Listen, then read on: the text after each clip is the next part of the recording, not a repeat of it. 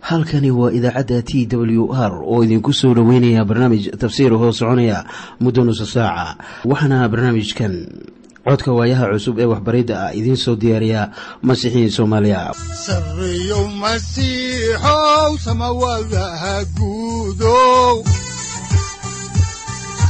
Siraadkii adduunkow subanaha eebow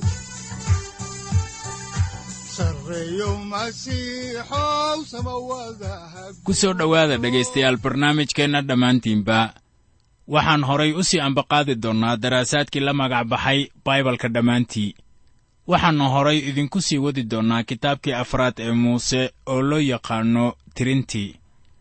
Waxaan caawa soo gunaanadaynaa kitaabkan afraad ee muuse oo loo yaqaanno tirintii waxaanan wada maraynaa innagoo soo koobayna cutubyada saddex iyo soddon ilaa lix iyo soddon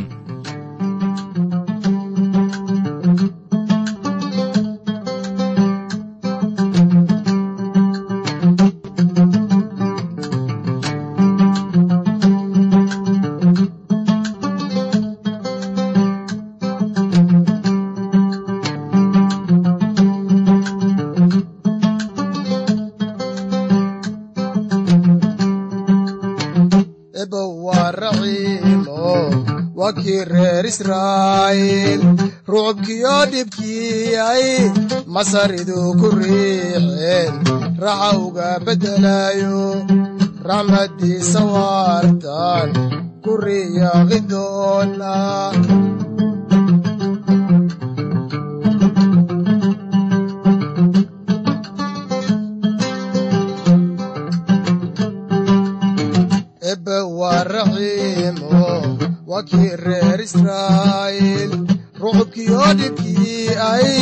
masaridu ku riixeen raxa ugu beddelay markii noogu dambaysay waxaynu soo gunaanadnay cutubka soddon iyo labaad ee kitaabkii afraad ee muuse. Waxaanay inoo joogtay qisadu laba qabiil iyo qabiilka reer manasex barkiis oo ka tirsan reer banu israa'iil oo doonayay inay degaan meel wax yar ka horraysa dhulkii la ballanqaaday. Waxaase ay muuse u sheegeen inay dhulka gelayaan oo dagaalkana rag ay u dirayaan oo walaalahood dhulka ay la xoraynayaan mawduuca cutubkan saddex iyo soddonaad wuxuu ka hadlayaa meelihii ay soo mareen markii ay cidlada dhex socdeen.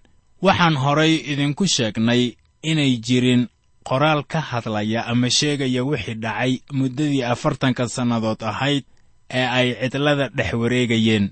Waxaase la qoray oo keliya dhacdooyin aan badnayn laakiin waxaa kaloo la qoray meelihii ay soo mareen ee ay degeen. Haddaan markii ugu horraysay idiin soo xiganno cutubkan saddex iyo soddonaad ayaa waxaa ku qoran aayaddiisa koowaad sida tan. Reer banu israa'iil socdaalladoodii waa kuwan markay gacanta muuse iyo haaruun koox koox ugaga soo baxeen dalkii masar. Waxaa halkan hoose ku qoran dhulkii ay mareen oo ay degeen. Intay ku dhex soconayeen cidlada.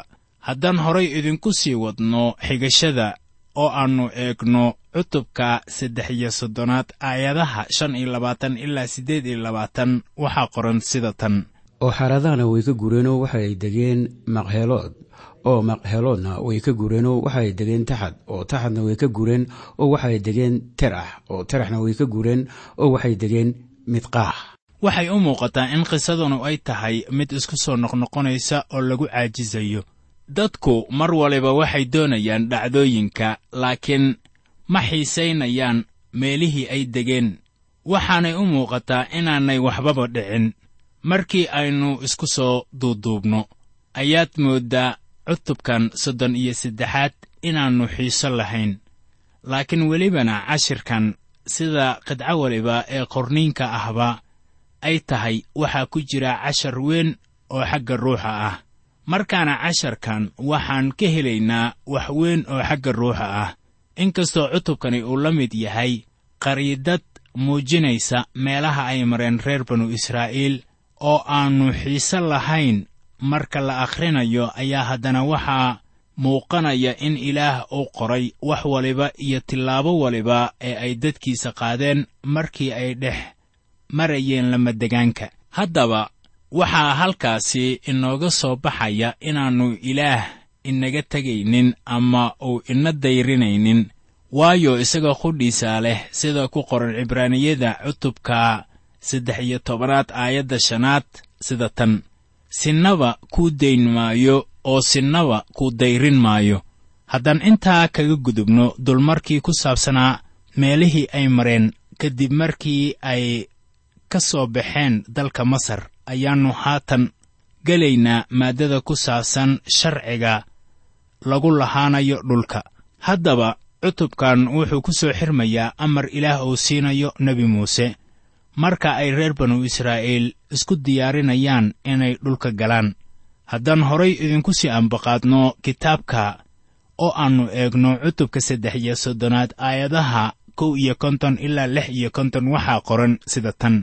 Reer banu israa'iil la hadal oo waxaad ku tidhaahdaa markaad webi urdun gudubtaan oo aad dalka kancaan gashaan waa inaad dadka dalka deggan oo dhan hortiinna ka eridaan oo aad dhagaxyadooda sawirrada ah oo dhan wada baabi'isaan oo aad sanamyadooda la shubay oo dhan wada burburisaan oo aad meelahooda sarsare oo dhan wada dumisaan.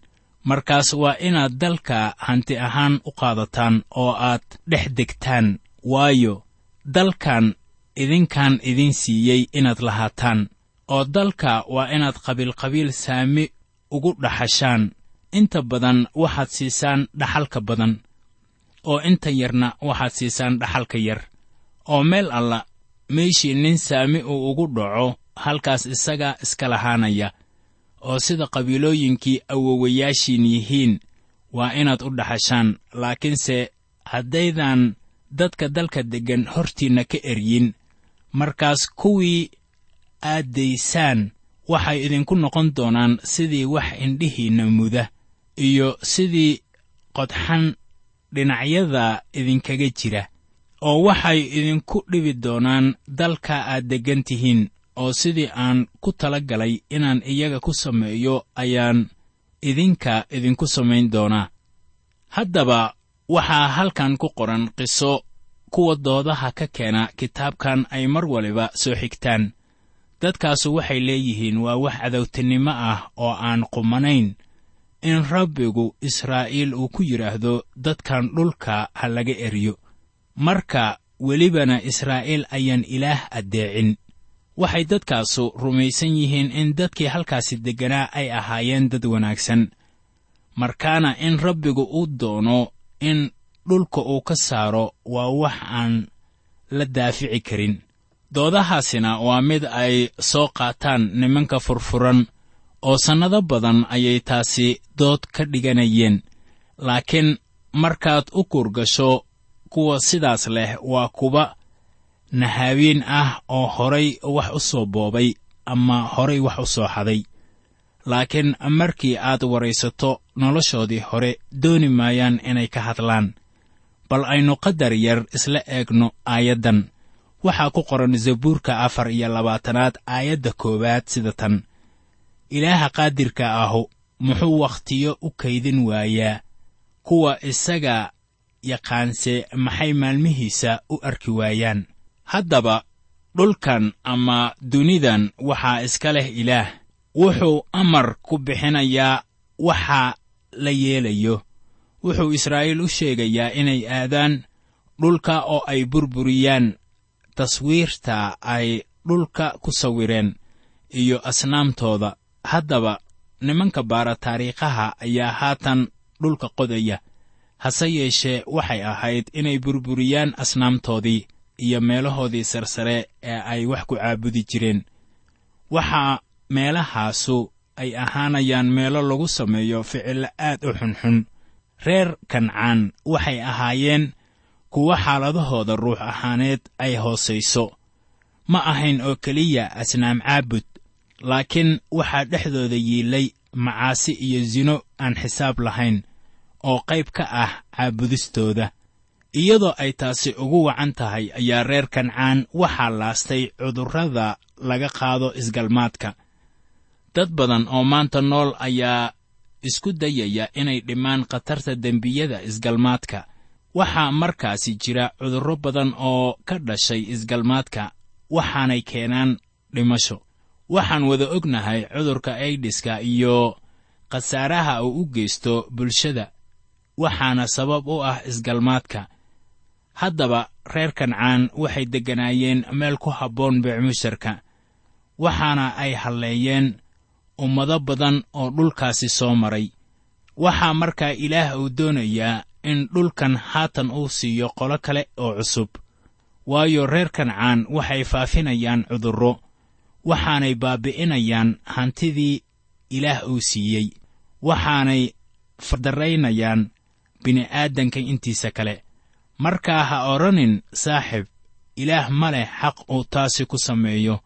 Waxaan qabaa in ficilkaasi ay raxmad ku jirtay. Ilaah wuxuu reer kancaan u baabbi'iyey faraaca soo socda aawgii waana asbaab la mid ah tii ilaah dunida daadka uu ku maansheeyey wakhtigii nuux. Marka ilaah sidaas u yeelay wuxuu badbaadinayey qarniyada mustaqbalka imaanaya. Saaxib ilaah ma ahan inaad eedayso. Intaad meel fadhiisato ha eedaynin ilaah waayo inagu hagaag uma aragno xaaladaha kale ee keenay in ilaah u go'aansado. In dad badan la wada laayo laakiin waxaan ognahay ama aynu soo maqalnay in ilaah uu ku yidhi reer banu israa'iil waa inaydan xoolaha u tegin ama waa in nin uusan nin kale ula jiifan sida naag. Waayo dadkii aan halkan ka eryey sidaas bay samayn jireen. Markaa reer kancaan ma leh niyad sami lagu yidhaahdo waa dad wacan ama aan waxba galabsan ilaah bay ka cadhaysiiyeen markii ay sameeyeen sino iyo niyad xumo tiro badan. Waxaan kaloo garanaynaa in dunidan aan lagu arkaynin nabad ilaa amiirka nabaddu u yimaado. Inta wakhtigaasi laga gaarayo ilaah qaramada kale ayuu u isticmaalayaa inuu ku baabbi'iyo qaramada xunxun wixii hadda ka dambeeya. Haddaan intaasi uga baxno cutubkan saddex iyo soddonaad ayaannu si toos ah u bilaabaynaa kan afar iyo soddonaad. Cutubkan wuxuu inoo sheegayaa xuduudaha uu yeelanayo dhulkan la ballanqaaday. Haddaba cutubkani waa mid ahmiyad ballaaran waayo wuxuu si aan shaki ku jirin u qeexayaa shuruudaha iyo baaxadda dhulka ilaah uu siiyey reer banu israa'iil. Wuxuu kaloo taabanayaa in dhulkan loo siiyey israa'iil inuu u ahaado hanti weligeed ah. Qiimi yeelan mayso kan haatan ku muddacaya inuu dhulka leeyahay. Waxaanse ku leeyahay saaxib dhulka waxaa iska leh reer banu israa'iil. Haddaan ku bilowno xuduudda dhulkaas ayaannu si toos ah idinku bilaabaynaa. Kitaabka tirintii cutubka afar iyo soddonaad aayadaha hal ilaa saddex. Waxaana qoran sida tan markaasaa rabbiga muuse la hadlay oo wuxuu ku yidhi reer banu israa'iil waxaad ku amartaa oo aad ku tidhaahdaa markaad gashaan dalka kancaan kaas oo ah dalka dhaxal idinku dhici doona oo ah dalka kancaan siday sohdumihiisu yihiin. Waaxdiinna koonfureed waxay ahaan doontaa cidlada siin iyo tan iyo dhinaca edom oo soohdintiinna koonfureedna waxay ka bilaaban doontaa badda cusbada leh darafkeeda bari. Haatan waxaa loo tilmaamayaa soohdinta dhanka galbeed waxaana aayadda lixaad ku qoran sida tan. Oo soohdinta galbeedna waxaad yeelan doontaa badda weyn iyo soohdinteedaba intaasu waxay ahaan doontaa soohdintiinna galbeed. Haatan waxaa la eegayaa soohdinta waqooyi sida ku qoran aayadaha toddoba ilaa sagaal. Waxaa qoran sida tan oo intanuna waxay ahaan doontaa soohdintiinna waqooyi.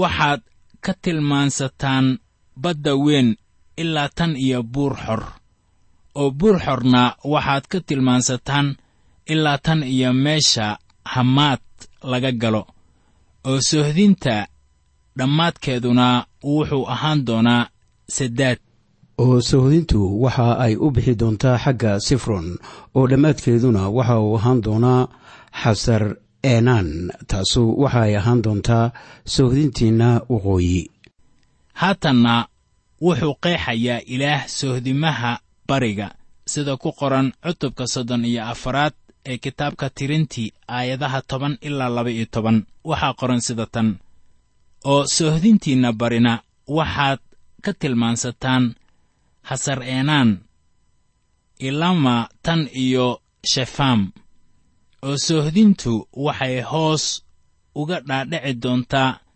shefaan iyo ilama reblah oo ah cayn xaggeeda bari oo soohdintu waxay hoos ugu dhaadhici doontaa oy gaari doontaa badda kineret dhinaceeda bari. Oo soohdintu waxay hoos ugu dhaadhici doontaa webi urdun oo dhammaadkeeduna wuxuu ahaan doonaa badda cusbada leh. Intaasu waxay ahaan doontaa dalkiinna siday soohdimihiisu u wareegsan yihiin. Rabbigu wuxuu haatan sheegayaa cidda mas'uulka ka ah qaybinta dhulkan iyo sida reer banu israa'iil ay u kala yeelanayaan. Haddaan horay idinku sii wadno kitaabka oo aan eegno cutubka soddon iyo afaraad aayadaha lix iyo toban ilaa siddeed iyo toban waxaa qoran sida tan. Markaasaa rabbigu muuse la hadlay oo wuxuu ku yidhi nimanka dalka dhaxal idinku qaybin doonaa magacyadooda waa kuwan. Wadaadka elicasaar ah iyo yeshuuca inanuun oo qabiil kastana waa inaad amiir kala soo baxdaan inay dalka dhaxal u kala qaybiyaan. Wuxuu kaloo haatan ilaah magacaabayaa amiir weliba ee xilkan loo dhiibay. Balse innagu soo xigan mayno aayadahaas. Waayo waxay u muuqdaan sida inay isku soo noqnoqonayaan. Laakiin muhiim bay u tahay reer banu israa'iil amaba u ahayd maalmahaas reer banu israa'iil inay xifdiyaan magacyadaas. Waxaannu cutubkan ku soo ekaynaynaa aayaddan ugu dambaysa ee sagaal iyo labaatanaad.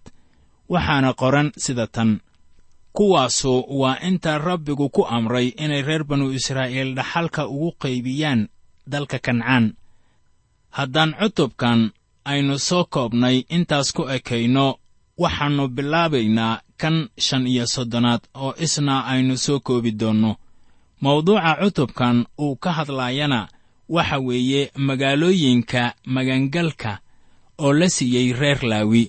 Sidaan horay ugu soo barannayba casharradeennii hore ayaa qabiilka reer laawi laga soo dhex bixiyey reer banu israa'iil. Intii ilaah uu qaadan lahaa curad waliba ee u dhasha reer banu israa'iil reer laawi waxay leeyihiin ilaah. Welibana qayb lagama siinin dhulkii reer banu israa'iil. Laakiin waxaa la siiyey caasimadaha ay ku noolaanayaan ama ay degayaan. Haddaan maaddada ugu horraysa ee caasimadaha aynu ka eegno kitaabka ayaannu haatan eegaynaa cutubka shan iyo soddonaad aayadaha kow ilaa saddex. Waxaa qoran sida tan markaasaa rabbigu muuse uu kula hadlay bannaankii mo'aab oo webi urdun u dhowaa ee yarixoo ka soo hor jeeday oo wuxuu ku yidhi waxaad reer banu israa'iil ku amartaa inay dhaxalkooda hantida ah reer laawi ka siiyaan magaalooyin ay degaan oo magaalooyinkaas agagaarkooda ku wareegsanna reer laawi siiya oo magaalooyinka iyagaa lahaanaya inay degaan.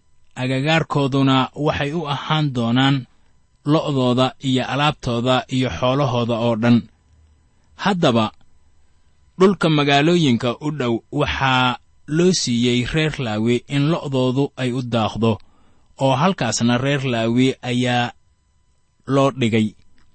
Haddaan horay idinku sii wadno xigashada aayadda afaraad ee cutubka shan iyo soddonaad waxaa qoran sida tan oo magaalooyinka aad reer laawi siin doontaan agagaarkooda ha laga bilaabo magaalo kasta derbigeeda oo dibadda ha uga baxo kun dhudhun oo hareeraheeda ku wareegsan ah.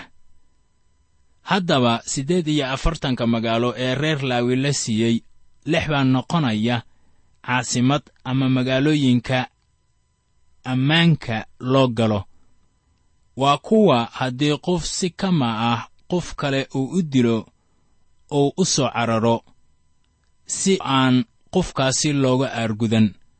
Haddii qof uu qof kale dilo waxaa aalaaba dhacda in qaraabada qofka la dilay ay si deg deg ah uga aargutaan qofkaasi wax dilay. Sababtaas aawadeed ilaah wuxuu abuuray caasimado magangal ah haddaan horay idinku sii wadno xigashada oo aan eegno aayadaha sagaal ilaa saddex iyo toban ee cutubka shan iyo soddonaad waxaa qoran sida tan.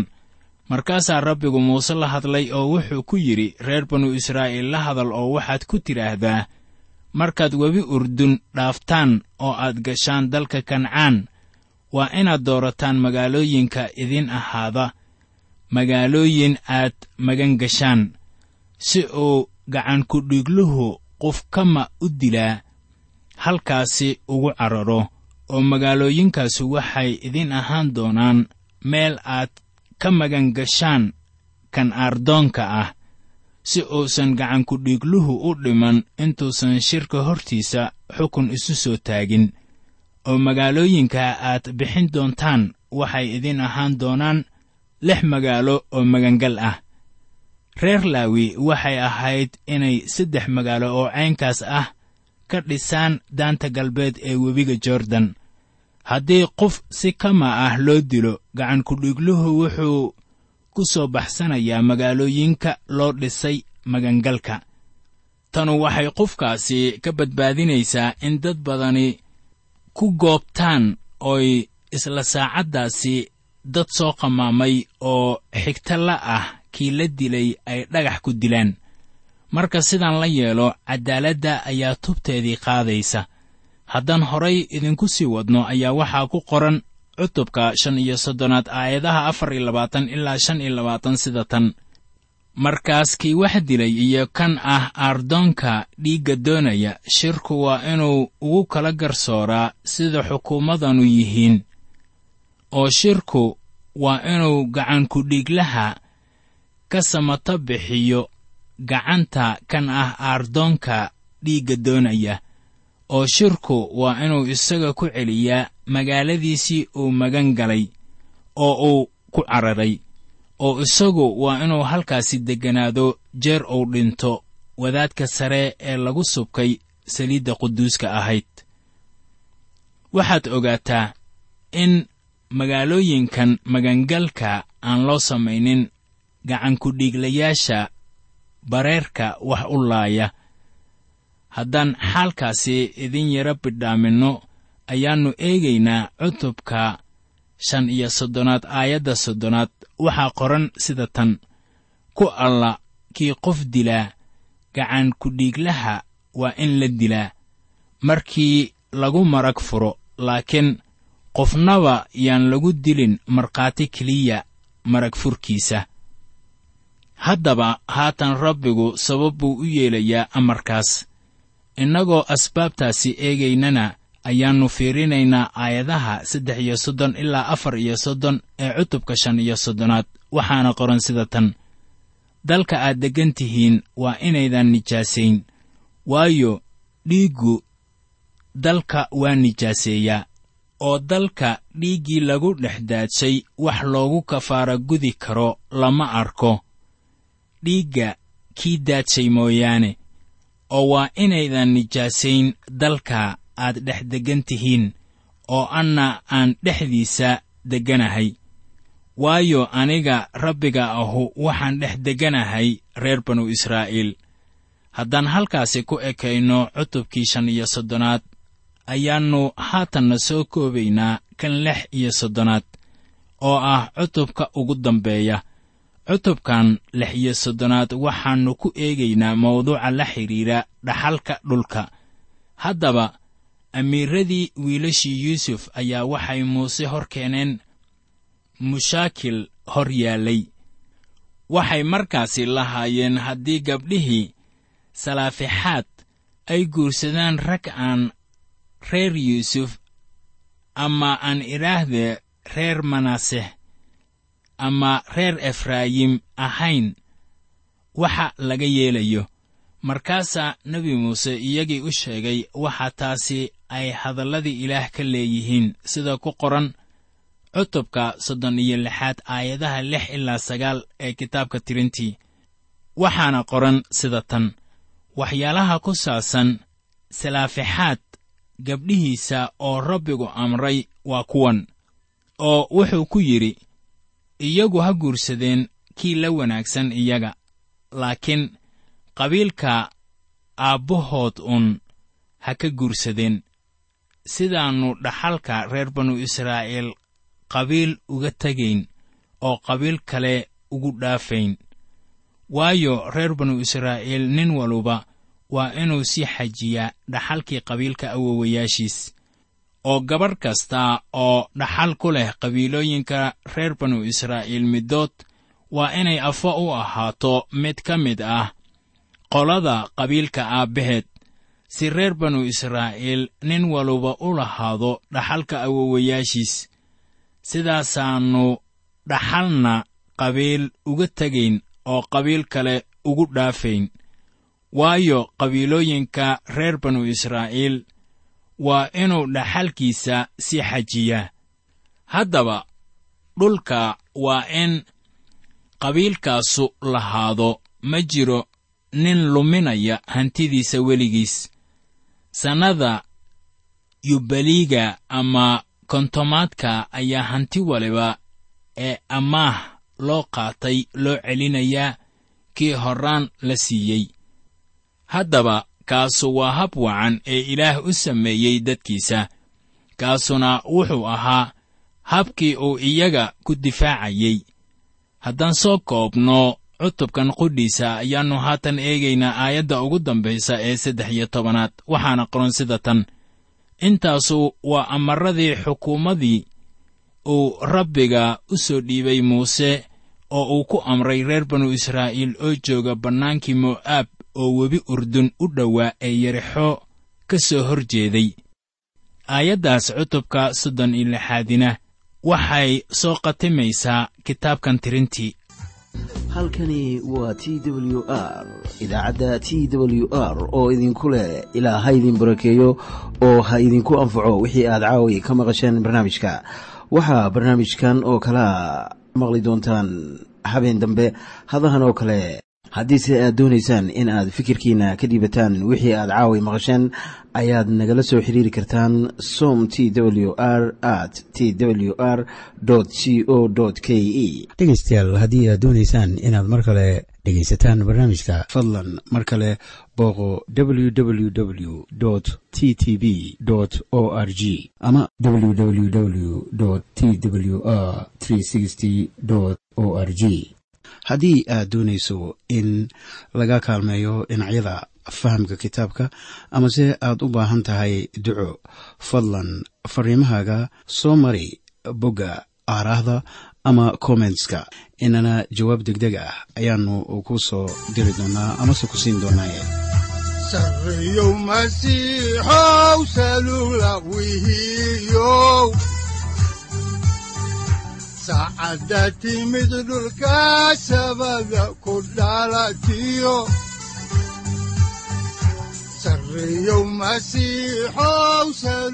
halkani waa t w r oo idiin rajaynaya habeen baraare iyo barwaaqaba leh. Inta aynu ka gaari doono wakhti aynu ku kulanno barnaamij la mida kan caawayay aad maqasheen. Waxa aan idinku leeyahay nabadda ciise masiix ha idinku badato xagga jidhka iyo ruuxaba. Aamiin